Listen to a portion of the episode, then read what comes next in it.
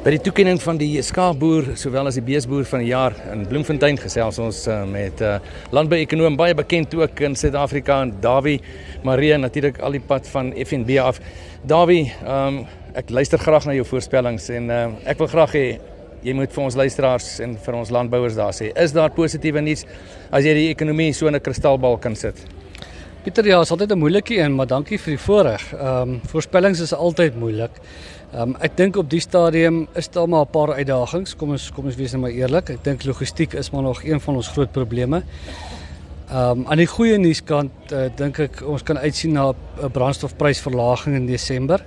Uh, daar's daar's tot en met Maandag was daar oorverhaling van net so net oor die R2 op diesel en so R1.20 op petrol gewees. So ek dink dit is daarom goeie nuus veral vir ons somergraanprodusente wat nou in 'n baie besige tyd ingaan vir ons veeboere, ehm um, ek dink weet ook beter nuus as wat ons gedink het.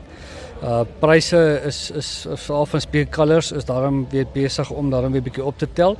Die vraag bly goed en ons gaan natuurlik nou in die in die in die in die braaityd in. So dit is daarom goeie nuus vir ons vir ons veeprodusente. So ek dink oor die algemeen in die landbou is ons in 'n in 'n beter situasie as wat ons verwag. Dawie, um, net vandag jy het um, jy het ook nou gekyk in die afgelope tyd uh, en jy was beoordelaar gewees van hierdie kompetisie ook. Um, uh, is jy nog positief? Is jy is jy opgewonde oor die gehalte van Suid-Afrikaanse boere? Weet jy Pieter, ek kan nie meer opgewonde wees nie. As ek net na kyk na die ses finaliste wat ons besoek het. Elkeen uh, elkeen kon eintlik vanaand weggestap het met die met die prys. Ehm um, al drie baie ag al ses van hulle is uitsonderlike boere. En dit maak my dit maak my positief. Dis jonger boere ook. Dis nie ou boere nie. Dit is jong mense wat investeer in die landbousektor, wat wat terugploeg en wat sê maar ons is hier om te bly en ons is hier om voedsel te produseer. So dit maak my opgewonde. Die feit dat ons jong mense het wat wat uitbrei en en groter gaan in die veebedryf. Net so vir oulaas uh positiewe nuus ook oor landboutoestande oor die algemeen. Ja, ek dink baie positief. Ehm um, ek dink weet daar was baie sprake van El Niño en en moeiliker weeromstandighede.